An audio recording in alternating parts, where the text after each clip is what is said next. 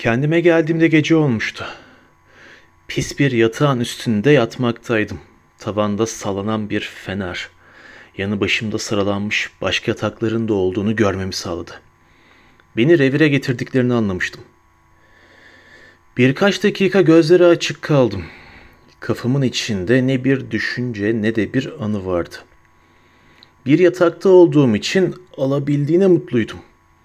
Gerçeği söylemek gerekirse eskiden böyle bir hastane ya da hapishane yatağı beni korku ve acıma duygusuyla ürpertirdi. Ama ben aynı insan değildim artık. Çarşaflar gri renkteydi ve dokunulduğunda sert oldukları anlaşılıyordu. Üstümdeki yorgan ince ve delik deşikti. Şilte saman kokuyordu. Ne fark eder? Bedenim bu kaba çarşaflar içinde rahatlıkla gevşeyebilirdi. Ne kadar ince olursa olsun bu yorganın altında alışkın olduğum kemiklerimin iliklerine yerleşmiş olan o korkunç soğuğun yavaş yavaş dağıldığını hissediyordum. Yeniden uykuya dalmışım. Büyük bir gürültü beni uyandırdı. Daha sabahın erken vakitleriydi. Bu gürültü dışarıdan geliyordu. Yatağım pencerenin yanı başında bulunmaktaydı. Dışarıda ne olup bittiğini görmek için doğruldum. Pencere Bisetre'nin büyük avlusuna bakıyordu. Bu avluda çok büyük bir kalabalık vardı. İki sıra haline duran askerler. Bu kalabalığın ortasından bütün avluyu boydan boya geçen dar bir yolu zorlukla açıyordu. Bu iki sıra askerlerin arasında insanlarla dolu beş uzun at arabası. Taşların üstünde salınarak yavaş yavaş geçiyordu. Bunlar gitmekte olan kürek mahkumlarıydı. Arabaların üstü açıktı. Her birinde bir forsa takımı vardı. Araba boyunca uzanan ve ucunda ayakta duran tüfekli bir gardiyanın nöbet tuttuğu ortak bir zincirle ayrılmış olan kürek mahkumları. Sırt sırta vermiş olarak kenarlara oturmuşlardı. Zincirlerin şıkırdadığı duyuluyordu ve arabanın her sallanışında mahkumların başlarının oynadığı, sarkık bacaklarının bir o yana bir bu yana doğru sallandığı fark ediliyordu. Hava insanın içine işleyen ince bir yağmurla birlikte buz kesti. Bez pantolonlar mahkumların bacaklarına yapıştı ve griden siyaha dönüştü. Mahkumların uzun sakallarından, kısa saçlarından sular süzülüyordu. Yüzleri morarmıştı. Tir tir titriyorlardı. Dişleri öfkeden ve soğuktan birbirine çarpıyordu. Aslında başka bir şey de yapamazlardı ki. Bu zincire bir kez bağlandınız mı kordon denen ve tek bir insan gibi hareket eden bu iğrenç şeyin bir parçası olursunuz. Akıl artık her şeyden elini çekmek durumundadır. Çünkü bu demir halka onu ölüme mahkum ediyor ve bu hayvanın kendisine gelince o da gerektiği zamanlarda belirli gereksinimlerini görmek zorunda kalıyor. İşte böylelikle hareketsiz, yarı çıplak, başı açık ve salınan bacaklarla aynı arabaya bindirilmiş, Temmuz güneşine ve soğuk Kasım yağmurlarına dayanıklı giysiler içinde 25 günlük yolculuklarına başlamaktaydılar kürek mahkumları. Kalabalıkla arabadakiler arasında anlayamadığım korkunç bir konuşma geçti. Bir taraftan küfürler, öteki taraftan meydan okumalar. Her iki tarafta birbirini lanetliyordu fakat yüzbaşının bir işareti üzerine arabadakilerin omuzlarına ya da başlarına sopa darbeleri yağmaya başladı ve hepsi birden düzen denilen sözde suskunluğa gömüldü. Ancak hepsinin bakışlarından kin akıyordu. Zavallıların yumrukları dizlerin üstünde geriliyordu. Atların üstündeki jandarmaların ve arabaların içinde ayakta duran gardiyanların eşliğinde ilerleyen beş araba Bisetre'nin kemerli kapısının altında art arta yitip gitti. Kazanlar, bakır karavana tencereleri ve yedek zincirlerle yüklü altıncı bir araba da onları izliyordu. Kantinde biraz oyalanmış olan birkaç forsa gardiyanı mangalarına yetişmek için koşar adımlarla çıktı. Avludaki kalabalık dışarıya doğru akmaya başladı. Bütün bu izlediklerim sanki bir ışık oyunu gibi bir şeydi. Taşlı Fontainebleau yolunda ilerleyen tekerleklerin ve atların toynakların ağır gürültüsü. Kırbaçların şaklaması, zincirlerin şıkırdaması ve kürek mahkumlarının kötü yolculuk yapmalarını dileyen halkın çığlıkları havada dağılıyor ve gitgide uzaklaşıyordu. Ve bu onlar için daha bir başlangıçtı. Avukat bana ne demişti? Kürek mahkumluğu. Ah, evet bin kere ölmeyi yeğlerim. Zindana idam sehpasını, cehenneme hiçliği, boyuna takılan o demir halka yerine Gul Gulyotinin bıçağını yeğlerim. Kürek mahkumluğum aman tanrım. Ne yazık hasta değilmişim. Ertesi gün beni revirden çıkardılar. Hücreme geri döndüm. Hasta değilmişim. Aslında genç, sağlıklı ve güçlüyüm. Damarlarımdaki kan özgürce akıyor. Bütün kaslarım isteklerimi yerine getiriyor. Hem bedensel hem de zihinsel açıdan sapasağlamım. Ve uzun bir yaşam sürebilirim. Evet, bütün bunlar doğru. Ama yine de benim bir hastalığım var. Hem de insanların eliyle yaratılmış ölümcül bir hastalık bu. Revirden çıktığımdan beri beni çıldırtabilecek kadar çarpıcı bir düşünce var kafamda. Beni oraya bıraktıklarında kaçabilirdim. Doktorlar, rahibeler benimle yakından ilgilenir gibiydiler. Böylesine gençken böylesi bir ölümle ölmek. Neredeyse bana acıyorlardı. Yatağımın başucunda sık sık toplanıyorlardı. Ah, meraktandır. Ve sonra sizi iyileştiren bu insanlar yalnızca bir ateşe çare bulabiliyorlar ama idam hükmüne gelince ve yine de bu onlar için o kadar kolay ki. Açık bir kapı. Onlara ne zarar gelirdi ki? Artık hiç şansım yok. Yargıtay'a başvurum reddedilecek. Çünkü her şey düzenlenmiş. Tanıklar iyi tanıklık etti. Davacılar iyi savunma yaptı. Yargıçlar da iyi hüküm verdi. Böyle yapamıyorum. En azından hayır delilik bu. Umutsuzluk. Yargıtay sizi uçurumun üzerinde asıl tutan ve kopacağı ana kadar çatırdadığı duyulan bir ip sanki. Giyotinin bıçağı da altı haftadır düşmeyi bekliyor gibi. Affedilir miyim acaba? Af. Ama kim yapacak bunu ve neden yapacak? Ve nasıl? Hayır hayır beni affetmeleri olanaksız. Örnek olsun diyeceklerdir her zamanki gibi.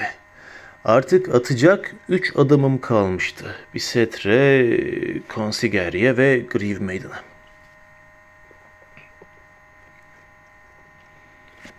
Revirde kaldığım kısa süre boyunca bir pencerenin yakınında güneş tekrar görünmüştü ya da en azından parmaklıklardan sızarak bana ulaşabilen güneş ışınlarına karşı oturmuştum. Başım taşıyabileceğinden fazla bir yük yüklenmiş ellerimin arasında, dirseklerim dizlerimin üstünde, ayaklarım sandalyemin parmaklıklarına dayanmış, işte öylesine duruyordum orada. Yorgunluktan iki büklüm olmuştum.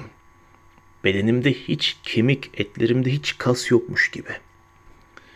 Hapishanenin boğucu kokusu her zamankinden daha fazla bunaltmıştı. O kürek mahkumlarının zincirlerinin gürültüsü kulaklarımda uğulduyordu hala. Bisetre'den çok büyük bir bıkkınlık duyuyordum. İyi yürekli Tanrı'nın bana acıması gerektiğine ve en azından karşı çatıda benim için şakıyacak küçük bir kuş gönderebileceğine inanıyordum. Bu dileğimi yerine getirenin Tanrı mı yoksa herhangi bir şeytan mı olduğunu bilemiyorum. Çünkü hemen hemen aynı anda penceremin altında yükselen bir ses duydum. Hayır, bu bir kuşun cıvıltısı değildi. Daha da güzel bir ses. 15 yaşlarında bir genç kızın tatlı, hafif, kadife gibi yumuşak sesiydi. Başımı pencereden uzattım ve kızın söylediği şarkıyı doymazcasına dinledim. Ağır ve hüzünlü bir havaydı bu, kederli ve acı dolu güvercin cıvıltısı gibi bir şey. Sözleri şöyleydi. Enselendiğim yer Mail sokağında Malur, üç jandarma, Lirfonfa maluret. Atladılar üstüme lirfonfa malur. Düş kırıklığımdan duyduğum acıyı dile getiremiyordum. Ses sürüp gidiyordu. Atladılar üstüme malur. Taktılar kelepçeleri. Lirlo, lirlonfa maluret. Büyükbaş göründü. Lirlonfa malur. Yolda karşıma çıktı Lirlonfa maluret. Mahalleden bir hırsız Lirlonfa malur. Mahalleden bir hırsız malur. Gitme söyle karıma. Lirlonfa maluret. Tutuklandığımı Lirlonfa malur. Karım çok öfkeli. Lirlonfa maluret. Sordu bana ne yaptın? Lirlonfa malur. Sordu bana ne yaptın? Malur. Bir kütük devirdim. Lirlonfa maluret. Parasını arakladım. Lirlonfa malur. Parasını ve saatini. Lirlonfa maluret. Ve ayakkabı bağlarını. Lirlonfa maluret. Ve ayakkabı bağlarını. Malur. Karım gider Versay'a. Lirlonfa maluret. Majestenin ayağına. Lirlonfa malur. Bir dilekçe sunmaya. Lirlonfa maluret. Beni kurtarmak için. Lirlonfa malur. Beni kurtarmak için. Malur. Ah kurtulsam buradan. Lirlonfa maluret. Seveceğim karımı. Lirlonfa malur. Ona fiyonk takacağım. Lirlonfa maluret. Ve tahta papuç alacağım. Lirlonfa malur. Ve tahta papuç alacağım. Malur. Öfkelenen büyük kral. Lirlonfa maluret. Demiş ki tacımla Lirlonfa malur. Dans ettireceğim onu. Lirlonfa maluret. Tabansız bir yerde. Lirlonfa malur. Bu sözlerden daha fazlasını duyamadım ama duyamazdım zaten. Bu korkunç ağıtın yarı açık, yarı kapalı anlamı, soyguncunun bekçilerle çatışması, karşılaştığı hırsız, karısına gönderdiği felaket haberi, bir adam öldürdüm ve tutuklandım. Bir kütük devirdim ve enselendim. Eline dilekçeyle Versay'a koşan kadın ve öfkelenen onu tabanı olmayan bir yerde dans ettirmekle tehdit eden bir majeste. İşte bütün bunlar insan kulağının bugüne kadar duymadığı en tatlı havayla ve en tatlı sese söyleniyordu. Ya çok üzülmüştüm. Dona kalmıştım adeta. Lal rengi o tatlı dudaklardan çıkan bütün bu korkunç sözler. Ne kadar da iğrenç. Bir gülün üzerinde gezinen bir salyangozun ardında kalan sümük izlerine benziyor sanki. İçimde birikmiş olanları nasıl dışarı atacağımı bilemiyordum. Hem yaralanmış hem de neşelenmiştim.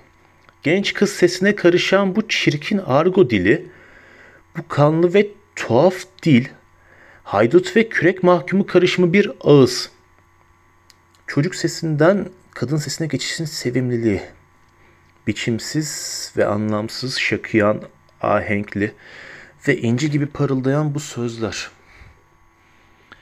Tanrım hapishane ne kadar utanç verici bir şey. Her şeyi kirleten bir zehir var orada. Her şey soluyor. Hatta şu 15 yaşındaki kızın şarkısı bile. Orada bir kuş buluyorsunuz, kanadında çamur var. Güzel bir çek alıyorsunuz elinize, kokluyorsunuz onu. Pis kokuyor.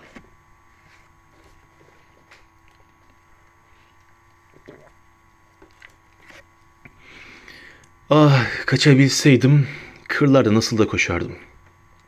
Hayır, koşmamam gerekir. Dikkat çeker, insanları kuşkulandırabilir. Tam tersine yavaş yavaş yürümek gerek. Başınız dimdik olacak ve şarkı mırıldanacaksınız. Kırmızı desenli, mavi renkli, eskimiş gömlek gibi şeyler giyeceksiniz üstünüze. Bunlar insanı iyi gizler. Nasıl olsa yöredeki bütün sebzeciler böyle giyinirler. Kolejdeyken Arsuil dolaylarında arkadaşlarımla her perşembe kurbağa avlamaya gittiğim bir bataklığa yakın bir koru var. Akşama kadar orada saklanırdım. Akşam olunca yoluma devam ederdim. Vincen'e giderdim. Hayır, ırmak bana engel olurdu. O zaman Arpajon'a giderdim.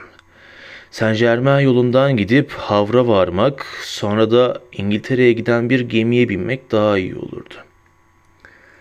Ne fark eder? Longjemo'ya varıyorum. Bir jandarma geçiyor, bana pasaportumu soruyor. Eyvah yakalandım.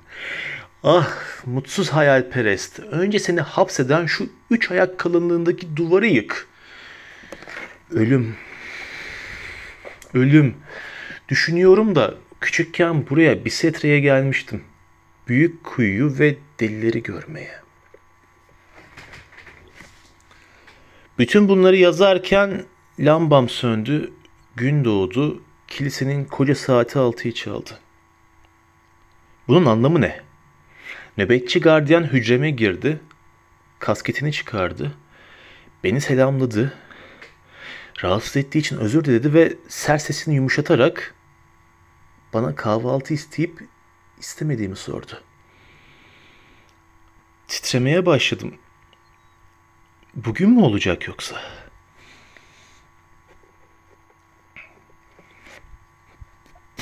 Bugün olacakmış.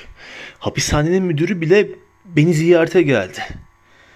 Bana nasıl yardımcı olabileceğini sordu. Kendisinden ya da yardımcılarından ötürü şikayetçi olmamamı isteyen arzusunu belirtti. Sağlığımla geçirdiğim geceyle ilgilendi ve hücremden çıkarken bana Monsieur diye hitap etti. Evet, bugün olacak. Bu zindancı benim kendisinden ya da yardımcılarından şikayetçi olacağımı sanmıyordur. Haklı da onlardan şikayetçi olmam onlara haksızlık olur. Onlar görevlerini yaptılar. Bana iyi baktılar ve hatta bana gelişte ve gidişte nazik davrandılar. Neden memnun olmayayım ki? Yumuşak gülümsemesi, okşayıcı sözleri, çevreyi gözetleyen ve sevgi saçan söz gözleri, kalın ve iri elleriyle bu iyi yürekli zindancı ete kemiğe bürünmüş hapishaneydi. İnsana dönüşmüş bir setrenin ta kendisiydi. Çevremdeki her şey hapishaneydi. Parmaklıkların ya da kilitlerin biçimlerinin altında olduğu gibi her şeklin, her insan biçiminin altında bir hapishane imgesi çıkıyordu karşıma. Taştan bir hapishane, bu duvar, bu kapı, tahtadan bir hapishane, bu gardiyanlar, etten ve kemikten yapılmış hapishanenin ta kendisi. İğrenç olmanın bir biçimi, bir bütün, görünmeyen yarı ev, yarı insan hapishane. Onun kurbanıyım ben. Beni tatlı tatlı besliyor, sarıp sarmalıyordu. Granit duvarların arasına kapatıyor, demir kilitlerin ardına hapsediyor ve gardiyan gözleriyle gözetliyor beni. Ah, ne zavallıyım ben. Ne olacağım? Bana ne yapacaklar? Şimdi rahatladım. Her şey bitti artık. Tamamen bitti. Müdürün ziyaretinin yarattığı o korkunç heyecandan sıyrıldım. Ancak şunu söylemeliyim ki umudum vardı hala. Şimdi ise Tanrı'ya şükür. Umudum kalmadı artık. İşte olanlar saat altı buçuğu çaldığında hayır bir çeyrek önceydi. Hücremin kapısı yeniden açıldı. Beyaz saçlı kahverengi redingotlu yaşlı bir adam içeri girdi. Redingotunun düğmelerini açtı, içinde bir cübbe vardı. Bir rahip. Bu hapishanenin rahibi değildi. Ne kadar kötü. İyilik dolu bir gülümsemeyle karşıma oturdu sonra başını salladı ve gözlerini göğe yani hücrenin kubbesine doğru kaldırdı. Onu anladım. Oğlum dedi bana. Hazırlandınız mı? Hafif bir sesle yanıtladım. Hazırlanmadım. Ama hazır sayılırım. Bu arada gözlerim karardı. Bütün bedenimden buz gibi bir ter boşandı. Şakaklarım atmaya başladı ve kulaklarım uğultularla doldu. Ben uykuya dalmış gibi sandalyenin üstünde sallanırken iyi yürekli yaşlı adam konuşuyordu. Ya da bana öyle gelmişti. Ve dudaklarının mırıldandığını, ellerinin hareket ettiğini, gözlerinin parıldadığını anımsıyor gibiyim. Kapı ikinci kez açıldı. Sürgülerin gürültüsü benim şaşkınlığımdan sıyrılmama, onunsa mırıldandıklarını kesmesine sebep oldu. Hapishane müdürüyle birlikte gelen siyah giysili, efendiden bir adam kendisini tanıtıp beni saygıyla selamladı. Ya bu adamın yüzünde cenaze töreni görevlilerinin resmi üzüntüsünü andıran bir şey vardı. Elinde bir kağıt tumarı tutuyordu. Bayım diye konuştu nazik bir gülümsemeyle. Ben Paris Kraliyet Mahkemesi'nin mübaşiriyim. Size Sayın Başsavcının mesajını getirmekten dolayı onur duyarım. İçimdeki ruhsal sarsıntı geçmişti. Aklım başımdaydı artık. Başımı bunca ısrarla isteyen başsavcı mı diye sordum. Bana yazması büyük bir onur. Benim ölmem ona büyük bir mutluluk verecek sanırım. Çünkü onun bunca istediği ölümüme karşı ilgisiz kalacağını düşünmek ağır gelirdi bana. Bütün bunları söyledikten sonra sözlerimi tok bir sese sürdürdüm. Okuyunuz bayım. Adam uzun metni okumaya koyuldu. Her satır bitiminde vurgularını uzatıyor ve her sözcüğün ortasında da duraklıyordu. Bu Yargıtay başvurusunun reddini bildiren bir yazıydı. İnfaz bugün Griv Meydanı'nda gerçekleştirilecektir diye bitirdi sözlerini ve resmi yazıdan gözlerini kaldırmadan şöyle sürdürdü. Saat yedi buçukta konsigeryeye gideceğiz. Lütfen beni izlemek lütfunda bulunur musunuz aziz bayım?'' Bir süredir onu dinlemiyordum artık. Müdür rahiple sohbet ediyordu. Onun da gözleri kağıda takılı kalmıştı. Aralık kapıya bakıyordum. Ah alçak koridorda dört tüfekli adam var. Mübaşir bu kez bana bakarak sorusunu yineledi. Nasıl isterseniz diye yanıtladım. Sizin emrinizdeyim. Beni selamladı. Yarım saat sonra gelip sizi almak şerefine erişeceğim.'' Ve böylece beni yalnız bıraktılar. Tanrım bir kaçabilsem. Bana bir şans ver. Kaçmak gerek hem de hemen kapılardan, pencerelerden, çatıdan nereden olursa olsun. Ey öfke şeytanlar lanet. Bu duvarı iyi aletlerle bile delmek için aylar gerekirdi. Oysa benim ne bir çivim ne de zamanım vardı.'' Konsigeryadan. Şimdilik buraya nakledildim. Tutanakta yazılı olduğu gibi. Fakat yolculuğum da anlatılmaya değer. Mübaşir yeniden hücremin eşiğinde göründüğünde saat yedi buçuğu çalıyordu. Bayım sizi bekliyorum demişti. Ayağa kalktım bir adım attım. İkincisini atamayacakmışım gibi geldi bir an. Başım ağırlaşmış, kollarımsa güçten düşmüştü adeta. Yine de gücümü topladım, yürümeye çalıştım. Hücreden dışarı çıkmadan önce son bir kez baktım içeriye. Sevmiştim onu. Benim hücremdi burası. Sonra onu boş ve kapısı açık bıraktım. Bu da bir hücreye garip bir hava veriyor. Nasıl olsa uzun bir süre böyle kalmaz. Gardiyanlar şöyle diyorlardı. Bu gece birini bekliyoruz. Şu anda ağır ceza mahkemesinde yargılanmakta olan bir mahkum. Koridorda ilerlerken rahip bize yetişti. Kahvaltısını yapıp gelmişti. Hapishaneden çıkarken müdür bütün iştenliğiyle elimi sıkıp muhafız takımına dört asker daha ekledi. Revirin kapısının önünde ölmek üzere olan yaşlı bir adam bana şöyle bağırıyordu. Tekrar görüşmek üzere.'' Avluya ulaşmıştık. Derin bir soluk aldım. Bu bana iyi geldi. Açık havada uzun bir süre yürümedik.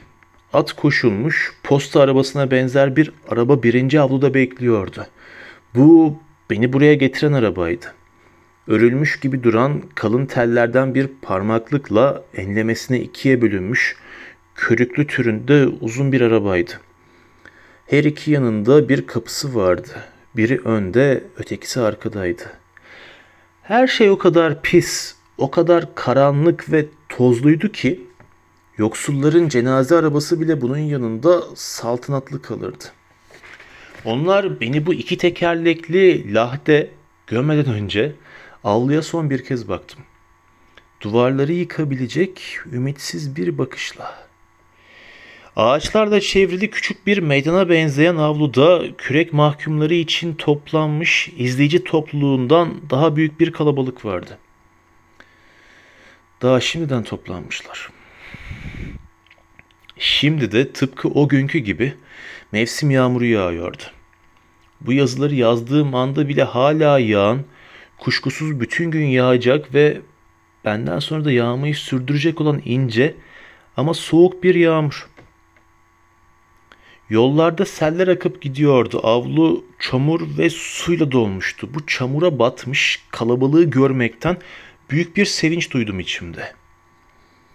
Mübaşirle bir jandarma öndeki bölmeye, ben rahip ve bir başka jandarma da arkadaki bölmeye binmiştik.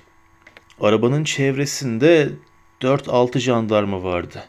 Böylelikle sürücünün dışında bir adam için toplam 8 görevli sayılabilirdi.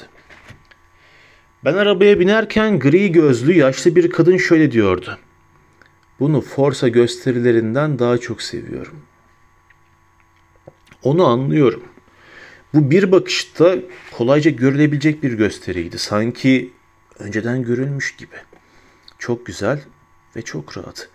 Hiçbir şey sizi alıkoymuyor. Ortada yalnızca bir insan var. Bütün kürek mahkumlarının zavallılığının tümünü üzerine toplamış tek bir insan. Yalnız biraz daha az dağınık, özlü, daha lezzetli bir içecek bu. Araba sarsıldı. Bütün kapının kemerinin altından geçerken boğuk bir gürültü çıkardı. Sonra caddeye çıktı ve bisetrenin büyük ağır kapıları arabanın ardından kapandı. Kendisinin gömüldüğünü duyan ama ne kımıldayabilen ne de bağırabilen baygın bir adam gibi şaşkınlık içine düşmüştüm. Atların boyunlarına takılı çıngırak kümelerinin aralıklı çınlamalarını, demir tekerleklerin taşların üzerinde çıkardığı hıçkırığı andıran sesleri ya da yol değiştirirken araba kasasının yere çarpışını, çevremizdeki jandarmaların dört nala ilerleyen atlarının çınlamalarını, arabacının kamçısını şaklatmasını dalgın dalgın dinliyordum. Beni alıp götüren bir kasırga gibiydi bütün bunlar.'' Bakışlarım önümdeki küçük pencerenin parmaklıkları arasından Bisetre'nin büyük kapısının üzerine büyük harflerle yazılmış bir tabelaya takılıp kalmıştı. Yaşlılar yurdu. Bak şu işe dedim kendi kendime. Demek orada yaşlanan insanlar da varmış. Ve uykuyla uyanma anı arasındaymış gibi acıdan duyarlılığını yitirmiş belleğimde evirip çeviriyordum bu düşünceyi. Ana yoldan büyük bir sokağa geçen arabanın küçük penceresindeki görüntü birden değişiverdi. Paris sesinin içinde mavi ve yarı yarıya silik görünen Notre Dame'ın kulelerini bu pencere çerçeveliyordu. O anda ruhumun bakış açısı da değişmişti. Araba gibi ben de makineleşmiştim. Bisetre düşüncesinin yerini şimdi Notre Dame'ın kuleleri almıştı. Bayrağın dalgalandığı kulede olanlar iyi görecekler dedim kendi kendime aptalca gülümseyerek. Sanırım işte o anda rahip bana bir şeyler söylemeye başladı. Onu büyük bir sabır içinde okuduğu dualarıyla baş başa bıraktım. Tekerleklerin gürültüsü, atların nal sesleri, arabacının kırbacı hala kulaklarımda yankılanıyordu. Fazladan bir gürültüydü bu. Arabanın önünde oturan mübaşirin sert ve kesik kesik konuşması beni birden sarstığı sırada bir çeşmenin mırıltısı gibi düşüncelerimi yatıştıran ve ana yolun eğri kara ağaç fidanları gibi her zaman farklı ama her zaman aynı biçimlerde önümden geçip giden bu tek düze sözlerin akışını suskunluk içinde dinliyordum. Hey rahip efendi diyordu daha neşeli bir tonla. Daha başka neler biliyorsunuz? Bunları söylerken mübaşirin yüzü rahibe dönüktü. Durmadan bana dua okuyan ve arabanın sağırlaştırdığı rahip yanıtlamadı onu. Hey hey diye yanıtladı mübaşir. Tekerleklerin gürültüsünü bastırmak için sesini yükseltti. Ne biçim araba bu? Berbat bir araba. Berbat. Gerçekten. Sözlerini sürdürdü. Herhalde bu sarsıntı yüzünden birbirimizi duyamıyoruz. Ne sormuştum ki ben? Biraz önce söylediklerimi bana aktarabilir misiniz rahip efendi? Ah, bugün Paris'in en önemli haberini biliyor musunuz? Titremeye başladım. Sanki benden söz ediyordu. Hayır diye karşılık verdi rahip. Sonunda onu duymuştu. Bu sabah gazetelere bakacak zamanım olmadı. Bu akşam okurum. Böyle bütün gün meşgul olduğumda kapıcıya gazeteleri saklamasını söylüyorum. Eve dönünce okurum onları. Ah diye söze başladı mübaşir. Bunu bilmemeniz olanaksız. Paris haberi bu. Bu sabahın haberi. Ben de konuşmaya başladım. Galiba ben biliyorum. Mübaşir bana baktı. Siz mi? Gerçekten mi? Peki ne diyorsunuz o zaman? Meraklısınız diye karşılık verdim. Neden bayım diye sordu mübaşir. Herkesin kendine özgü bir siyasal görüşü vardır. Bence sizin de bir görüşünüz vardır. Bana gelince ulusal muhafızların yeniden örgütlenmesi yanlısıyım. Bölüğümün çavuşuyum ve bana göre çok hoş bir şey. Onun sözünü kestim. Ben bunun böyle olduğunu sanmıyorum. Peki nasıl yani? Haberi bildiğinizi söylüyordunuz. Bugün Paris'in ilgili olduğu başka bir haberden söz ediyorum ben. Aptal adam. Anlamamıştı. Üstelik merakı da artmıştı. Başka bir haber mi? Allah aşkına siz bu haberleri nereden öğreniyorsunuz? Söyleyin sevgili bayım. Hangi haber bu? Siz biliyor musunuz Rahip Efendi? Benden daha fazlasını mı biliyorsunuz? Söyleyin rica ederim. Nasıl bir haber? Bakın haberleri severim ben. Başkan Bey'e anlatırım. Onu eğlendirir bu. Ve daha bunun gibi bir yığın saçma sapan sözler. Hem bana hem rahibe dönüyordu ve ben de omuz silkerek karşılık veriyordum. E söyleyin artık ne düşünüyorsunuz öyle diye sordu. Artık bu gece düşünemeyeceğimi düşünüyorum. Aa bu mu diye konuştu. Aman ne kadar da hüzünlüsünüz sanki Bay Castaigne konuşuyor. Bir anlık sessizlikten sonra Bay Pavoy'a da eşlik etmiştim. Samur kürkü şapkası vardı başında, sigara içiyordu. La Rochelle'li gençler ise yalnızca kendi aralarında konuşurlardı ama konuşurlardı. Biraz sustu. Yine ve şöyle sürdürdü. Deliler, aptallar dünyayı küçümsüyorlardı. Sizin için ne düşündüğümü sorarsanız eğer sizi pek düşünceli buluyorum delikanlı. Delikanlı mı? dedim. Ben sizden daha yaşlıyım. Akıp giden saatin her çeyreği beni bir yıl yaşlandırıyor. Bana doğru döndü. Birkaç dakika aptal gibi şaşkın şaşkın yüzüme baktı. Sonra ağır ağır gülmeye başladı. Öyle mi? Siz gülmek istiyorsunuz. Benden daha yaşlısınız ha? Ben sizin büyük babanız yaşındayım. Ben gülmek istemiyorum diye karşılık verdim sertçe. Tabakasını açtı. Buyurun bayım, kızmayın. Alın lütfen ve bana kim beslemeyin. Korkmayın. Kim beslemek için vaktim yok zaten. O anda bana uzattığı tabaka bizi ayıran parmaklığa rast geldi. Bir sarsıntı onun sert biçimde parmaklıklara çarpmasına neden oldu. Kutu açıldı ve jandarmanın ayaklarının dibine düştü. Allah kahretsin şu parmaklıkları diye bağırdı mübaşir. Bana doğru döndü. Eh ne kadar şanssızım değil mi? Bütün tütünüm gitti. Ben sizden daha çok şey yitiriyorum diye karşılık verdim gülümseyerek. Dağılan tütünü toplamaya çalıştı. Bu arada dişlerin arasından bir şeyler mırıldanıyordu. Benden daha çok şey yitiriyormuş. Söylemesi kolay. Paris'e varana kadar tütün yok. Ne kadar kötü. Rahip onu yatıştırmak için birkaç söz söyledi. Aklım başka bir yerde miydi bilemiyorum ama rahibin söyledikleri bana başladığı bir vaazın devamı gibi gelmişti. Rahiple mübaşir arasındaki sohbet yavaş yavaş koyulaştı. Ben de onları baş başa bıraktım. ve kendi düşüncelerime daldım. Geçide vardığımızda hiç kuşkusuz düşünüp duruyordum hala fakat Paris'in gürültüsü her zamankinden daha yoğunmuş gibi geldi bana.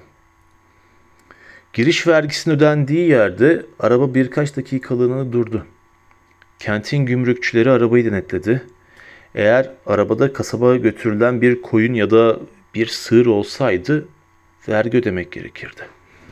Fakat insan kellesi için vergi alınmıyordu. Geçtik. Araba bulvarı geçtikten sonra San Marco mahallesinin ve sitin bir karınca yuvasının içindeki binlerce geçit gibi kıvrılan ve birbiriyle kesişen dolambaçlı ve eski sokaklarına dolu dizgin ilerlemeye başladı.